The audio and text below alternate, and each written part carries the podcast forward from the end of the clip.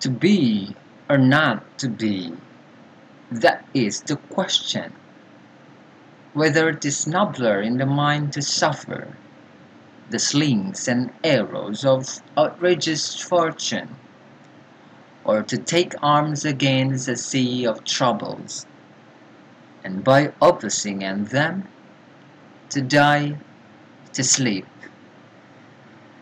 No more, and by sleep to say we end. The heartache and the thousand natural shocks that flesh is here to, this a consummation devoutly to be wished, to die, to sleep.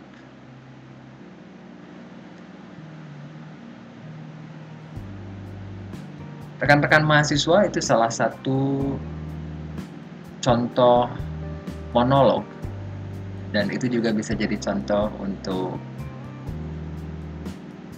uh, blank verse.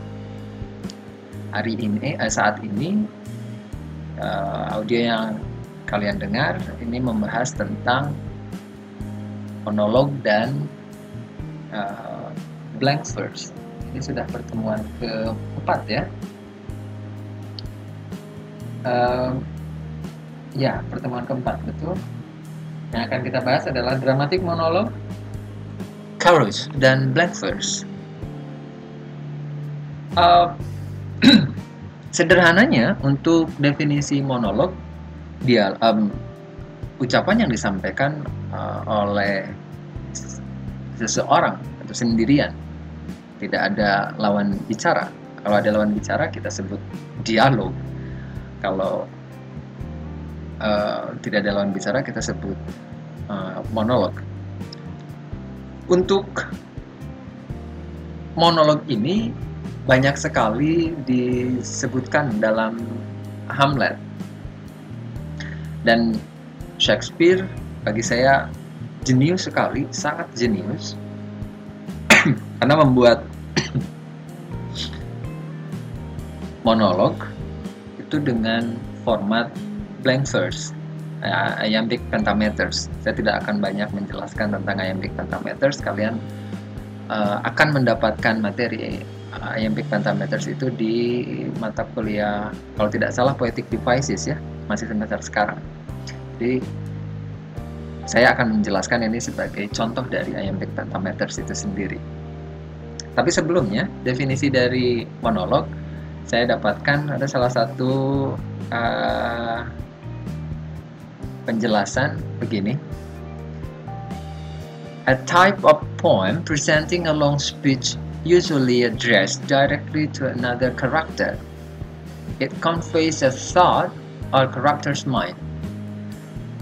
Monolog itu bentuk puisi yang disampaikan uh, dalam bentuk yang lain itu speech misalkan. Biasanya disampaikan secara langsung untuk karakter yang lain. Dan ini uh, penyampaiannya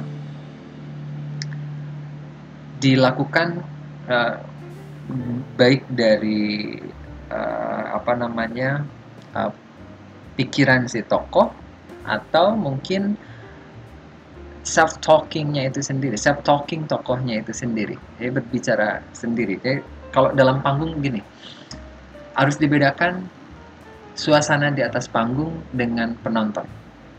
Tentu itu berbeda ya. Ada orang yang berbicara di luar panggung sendirian. Ini kalau di zaman sekarang langsung diduga dia sedang uh, telepon-teleponan pakai uh, headset tapi kalau di zaman dulu mungkin orang berbicara sendirian di jalanan gitu. Di rumah bahkan kalau berbicara sendirian sama seperti saya sekarang ini.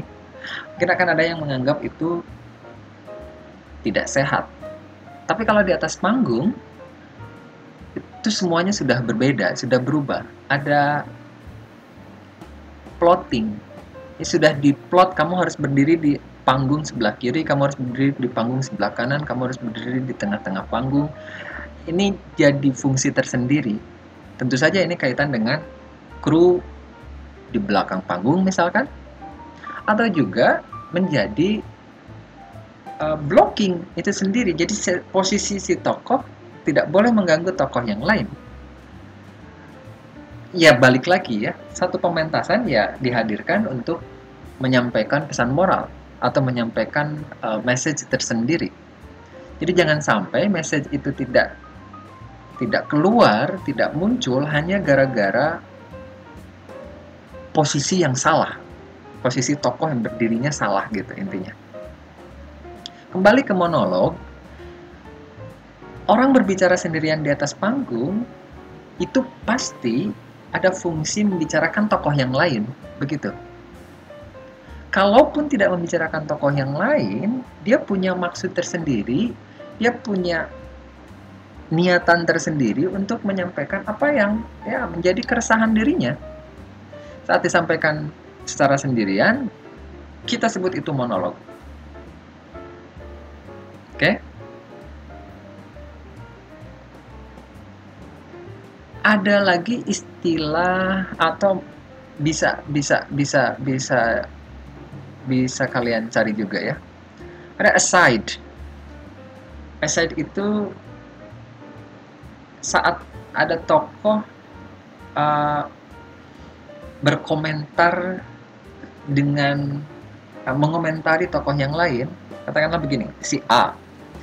A berdiri di panggung sebelah kiri. Dua temannya si A berdiri di panggung sebelah kanan. Penonton melihat ada tiga orang di atas panggung. A sendirian sebelah kiri, B, C berdua di sebelah kanan Secara logika, harusnya A itu bisa mendengar apa yang dibisikkan oleh B kepada C. Tetapi, kan tadi saya bilang, suasana di panggung itu dibuat berbeda dan harus berbeda. B dan C berbisik. A itu tidak bisa mendengar. Tentu saja ini pura-puranya kan. Tentu saja itu actingnya. A tidak bisa mendengar. Tetapi penonton bisa mendengar secara keseluruhan baik yang disampaikan oleh A ataupun yang disampaikan oleh B kepada C. Itu yang kita sebut dengan istilah dramatic irony. Kita tahu Peter Parker itu adalah seorang Spider-Man. Beda benua, beda rumah gitu ya. Tetapi kenapa kita tidak berpikir Bibi May yang tinggal serumah dengan Peter Parker, serumah loh ya tinggal dengan Peter Parker, itu tidak tahu kalau keponakannya adalah seorang superhero. Nah, ini contoh dari dramatic irony, ya.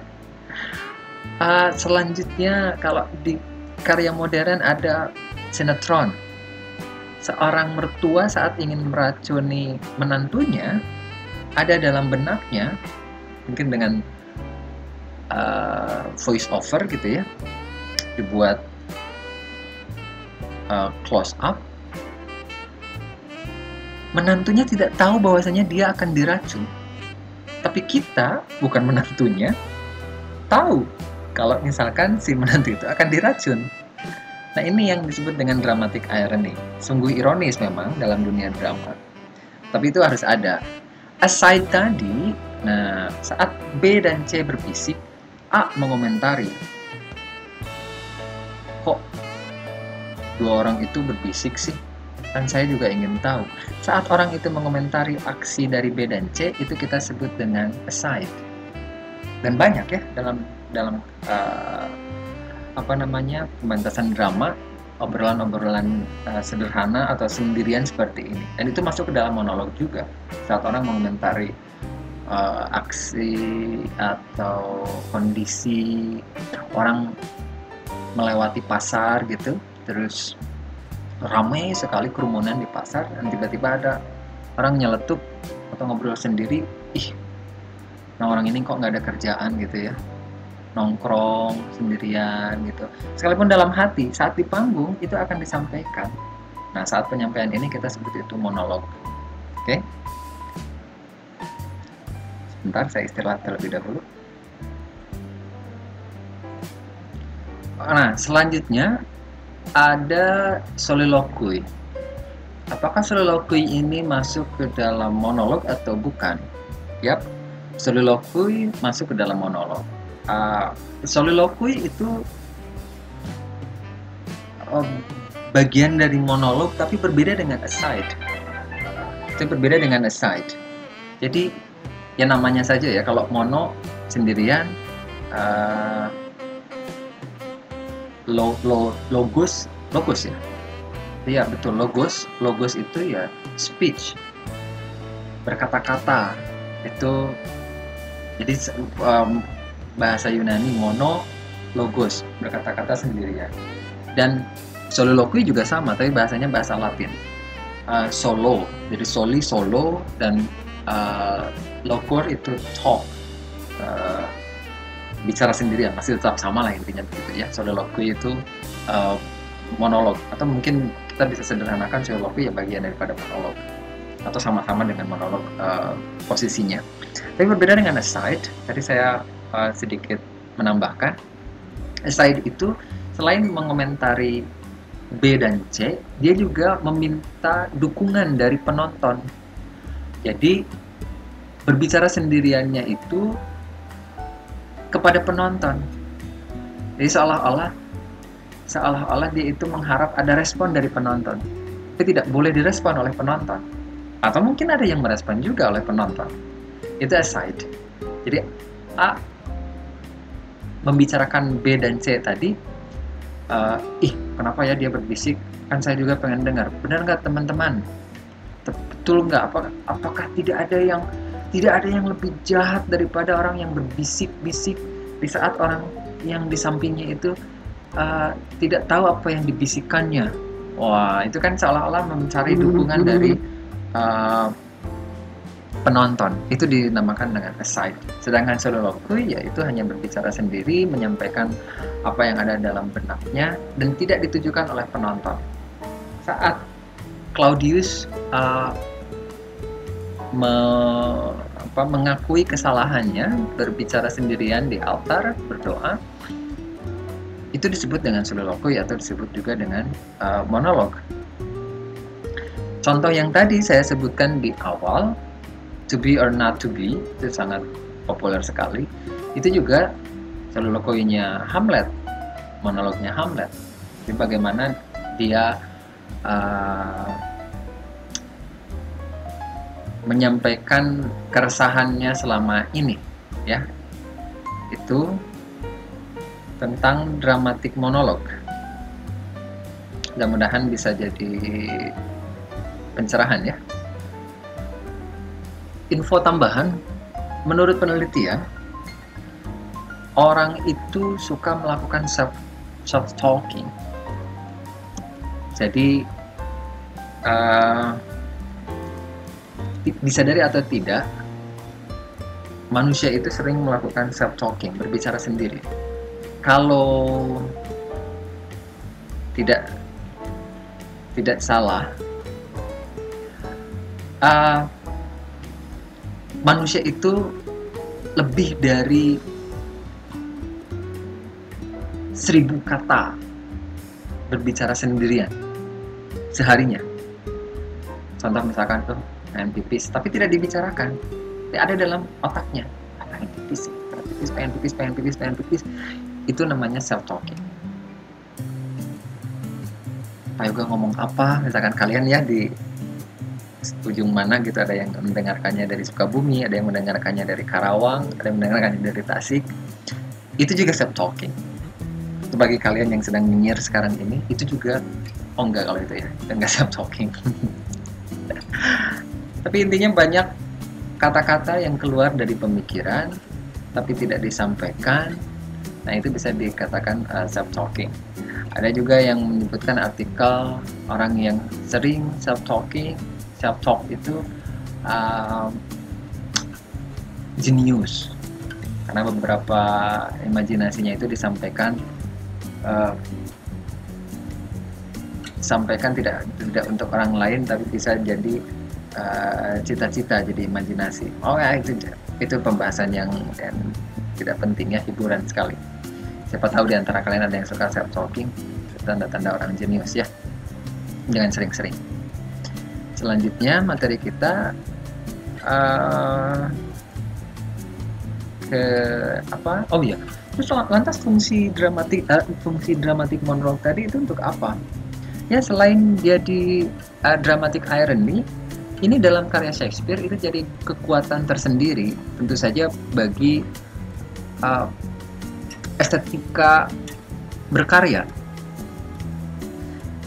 Tadi saya katakan Shakespeare sangat jenius, bagaimana dia harus menulis beberapa uh, monolognya itu dengan format uh, blank verse. Kalau tidak salah ya, kalau tidak uh, tidak tidak salah uh, definisi ya, mungkin kalian boleh bertanya ke pengampu uh, poetic devices. Blank verse itu di satu sisi berima di satu sisi tidak berima. Tentu kalian tidak boleh menerjemahkan blank verse itu dengan puisi yang kosong. Tidak bukan seperti itu. Tapi di disebutkan uh, blank verse ini ya gimana ya? Di tidak oh ya tidak berima. Maksud saya tidak berima. Contoh di act ketiga. So many journeys may the sun and moon make us again count over ere love be done. But woe is me you are so sick of late. Coba kalian hitung ya karena blank verse itu iambic pentameters. Uh, diawali dengan unstress, stress, unstress, stress, unstress, stress. Ada lima unstress dan lima stress. Perhatikan. So, many journey may the sun and moon. Kalian bisa hitung di sana. Ada 10 10 uh, apa namanya syllable. So many journeys made the sun and moon. Make us again count all ere love be done. Make us again count all ere love be done. Ada 10. Ada 10 suku kata. Ada yang unstressed, stress, unstressed, stress, unstressed, dan stress. Dan hampir sebagian besar monolognya Shakespeare itu dibuat iambic pentameter. Kebayang tidak? Shakespeare harus memilih diksi, memilih diksi yang ya ada ada syllable yang stressing dan tidak stressing. Bahasa Inggris kan itu ya, bedanya dengan bahasa Indonesia. Ada stressing kalau dalam bahasa Inggris. Kalau misalkan bahasa Indonesia tidak ada. Hei, kamu sudah makan atau belum. Ini tidak ada yang seperti itu. Tapi kalau dalam bahasa Inggris ada yang seperti itu. Ada stressingnya. Dan biasanya dialog dalam bahasa Inggris itu akan mendengarkan stressingnya itu sendiri. Kalau misalkan uh, very girl, girl, girlnya itu bisa jadi yang paling penting. Very girl, do you-nya tidak di tidak dijelas, tidak ditekankan, tapi where, where it go, nah orang akan langsung uh, kenal dengan where dan go-nya ke mana gitu kan intinya. Itu itu jadi a point plus sendiri bagi bagi Shakespeare. Oh, dan ini juga tadi ada yang bertanya, apakah beda antara modern dengan uh, versi originalnya? Khusus untuk yang bagian uh, iambic pentameter khusus untuk bagian yang blank verse itu berbeda. Oke. Okay? Jadi kalau yang original text memang itu menggunakan teknik blank verse. Tetapi bagi yang modern textnya itu tidak ada. Tidak bisa gitu ya. Mungkin bisa. Bisa kalau dipaksakan uh, gitu. Yang um, saya akan coba cari yang to be or not to be tadi ya nah Kata Hamlet, to be or not to be, that is the question. Itu juga blank verse coba. To be or not to be. Ini sambil dihitung juga menggunakan jari kalian. That is the uh, to be or not to be. That's the question. Nah, dalam beberapa uh, versi original itu that is itu ada yang disambung. That's the question whether this not blur in the mind to suffer. Oh tidak ya? Oh ini tidak tidak tidak termasuk blank verse ya? The slings and arrows of outrageous fortune. Oh tidak, kalau itu yang itu, itu tidak termasuk tidak termasuk blank verse. Itu monolog saja. Mana lagi ya yang yang uh, verse?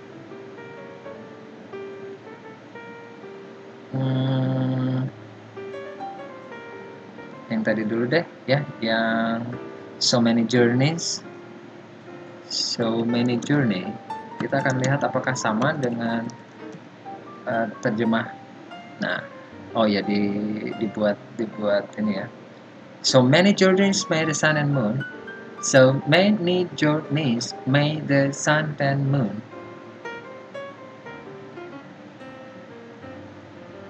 I hope we stay in love for 30 more years. Hmm. Tidak kan? Tidak tidak stressing dan uh, tidak unstress dan tidak stressing. Halo, assalamualaikum. Wus, anak, anak saya baru bangun. Bapaknya ngapain ngomong sendirian?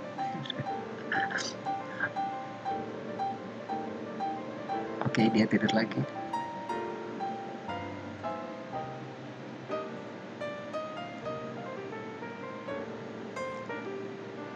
Uh, to be or not to be. Uh, oh yeah. to be or not to be, that is the question. Yang di stressingnya yang mana? Be, not, be, is, question. Iya betul. Memang tidak tidak tidak harus uh, 5 dan 5 ya, tapi 5 yang stressingnya. Biasanya 6 yang unstressingnya. Kalian boleh bertanya ke pengampu uh, poetic devicesnya ya.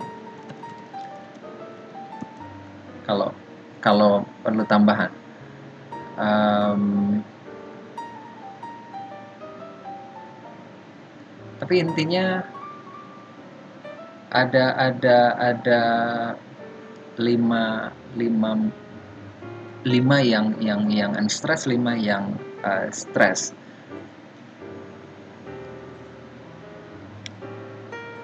ini jadi motivasi kalian bertanya lebih lanjut.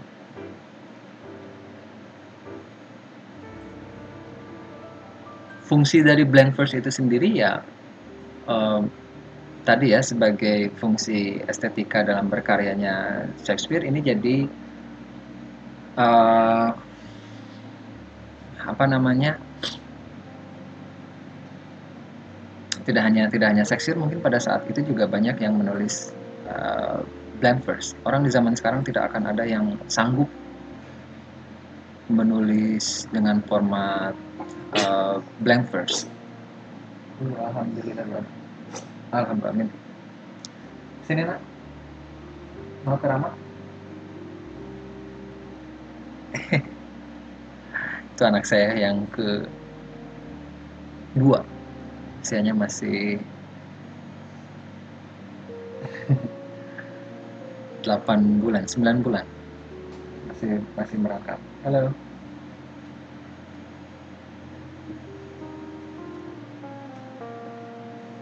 dilanjut ya teman-teman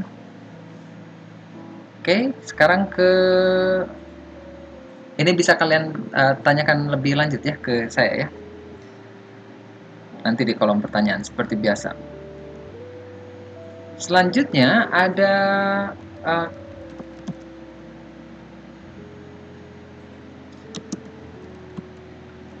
apa materi kita itu? Tentang Kaurus ada chorus. Chorus ini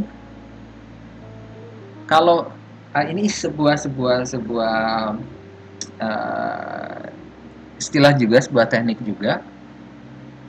Untuk uh, menyampaikan pesan biasanya dengan bernyanyi biasanya dengan uh, apa namanya uh, berpuisi begitu ya dan chorus ini lebih apa berkembang di zaman sekarang ya dengan dengan dengan musik. Nah, no, no, ini minuman ramah. Halo, ini anak saya mendekat. Oke, sini nak. Say hello to teman-teman. Halo teman-teman ramah. Aku biru, namaku biru. Biru jamu gawaringkas. Huh? Aduh, aduh, aduh, aduh, aduh, aduh. Ah, tidak menendang laptop.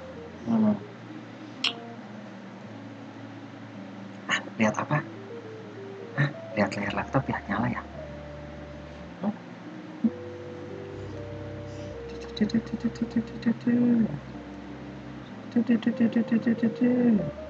Nah, bisa jadi saat saya uh, bernyanyi dengan ini si biru anak saya barusan itu bisa jadi chorus.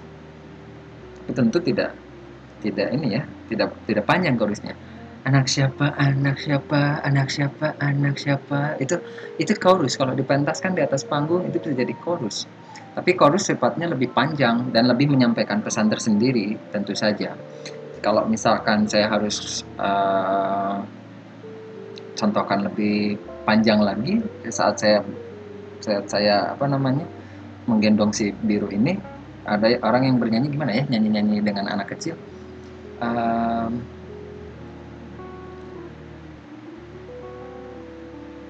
Siapakah Tuhanmu? Apa agamamu? Siapakah nabimu apa kitabmu nah itu bisa jadi itu bisa jadi chorus dengan biru. Karena biru harus mendengarkan ucapan saya dan harus ada ada pesan yang disampaikan uh, mu di sana itu kepada siapa? Mu di sana itu kepada siapa? Saat dipentaskan ya tentu ada karakter yang lain. Oke. Okay. boleh biru main lagi? Ya. ya. Itu chorus dalam perkembangannya chorus itu uh, ya di di di drama Yunani Chorus memang dipentaskan uh, ditampilkan oleh banyakkan orang oleh grup untuk berkomentar. Saat berkomentar bernyanyi nah, kita sebut mungkin ada paduan suara. Itu chorus di eranya uh, uh, Yunani masuk ke atas panggung.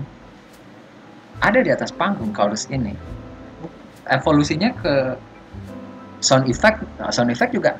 Ada suaranya di atas panggung tapi mungkin tidak tidak tidak pure di atas panggung. Tapi kalau chorus di eranya Yunani ada orang-orangnya bernyanyi di atas panggung. Dan dan, dan, dan diam gitu ya. Ada lagi definisi tentang chorus itu kaitan dengan uh, masuknya jadi tokoh utama gitu. Contoh di sini saya contohkan Ophelia beberapa kali bernyanyi. Ya saat um, apa di sini ya di act 4 di act 4 scene 5 Ophelia uh, bernyanyi. Ada ada biasanya ada tulisannya sings atau chorus dalam, dalam beberapa naskah How should I your true love know from another one but his cocoa hat and staff, and his sandal shoon. He's dead and gone, lady. He's dead and gone. At his head a grass green tuft, at his heels a stone. Ini uh, Ophelia saat ditanya oleh uh, Gertrude kan menjawabnya sambil bernyanyi menjawabnya sambil bernyanyi. Mungkin Gertrude akan menganggap Ophelia memang sudah gila. Tapi kan kita sebagai penonton untuk menangkap Ophelia gila sambil bernyanyi uh, itu nomor dua lah ya. Nomor satunya adalah jawaban Ophelia sekalipun sambil bernyanyi sekalipun kita anggap gila itu logis. Alas, sweet lady, what imports this song? Kamu ingin menyampaikan apa sih dengan lagu ini? Uh, kan kata kata Ophelia, he's dead and gone, lady. He's dead and gone. Ini kan berbicara tentang kematian seorang, kematian uh, ayahnya, Polonius. Kalau tidak uh, keliru saya mengikuti dialog ini ya, uh, kalian boleh mengoreksi saya. Dan ini uh, ada fungsi tersendiri juga kaurus. Tentu saja saat uh, kaurus ini dihadirkan, selain memiliki estetika, bisa jadi hiburan bagi penontonnya. Sama persis seperti halnya hiburannya badut mungkin. Di saat tragis ada yang uh, melawak, ada yang mingle-mangle, ada yang random. Di saat serius ada yang bernyanyi. Ini juga menjadi fungsi tersendiri. Ya. Itu yang uh, bisa saya sampaikan tentang uh, Kaurus. Dan kesimpulannya pada akhirnya pembahasan kita karena ini uh, pertemuan keempat ini berkaitan dengan konsep diksi dalam drama saya harus menyimpulkan monolog, soliloquy, blank verse dan juga uh, chorus itu bagian daripada diksi. Menurut Aristoteles dalam Poetics, diksi atau language itu dijelaskan the expressions of the meaning in words. And its essence is the same both in verse and prose. Esensinya sama seperti puisi dan prosa esensi dari uh, dari diksi itu sendiri. Hanya saja mungkin ekspresinya yang disampaikan melalui beberapa kata. Ekspresi orang monolog berbeda. Ekspresi orang uh, apa namanya berpuisi itu dibedakan oleh oleh oleh Shakespeare ya dengan blank verse dan termasuk ekspresi untuk chorus. Intinya esensinya tetap sama menyampaikan pesan tapi ekspresinya yang disampaikan berbeda. Ada yang bernyanyi, ada yang bermonolog, ada juga yang berpuisi. Itu yang bisa uh, saya sampaikan di pertemuan uh, sekarang. Untuk pertemuan selanjutnya mungkin tidak ada tugas, tapi pastikan karena Hamlet sudah berakhir. Ini kita tiga pertemuan, satu pertemuan di kelas tentang Hamlet, dua pertemuan di apa namanya uh, podcast pastikan tolong tolong dengan sangat kalian membaca Hamlet ini. Ya. Kalian membaca minimalnya ada satu karya Shakespeare yang kalian baca. Itu yang bisa saya sampaikan. Mohon maaf, seperti biasa kalian akan mengisi absen dan mengisi beberapa kolom pertanyaan untuk selanjutnya saya jawab di segmen uh, tanya jawab berikutnya. Akhirul kalam, Assalamualaikum warahmatullahi wabarakatuh.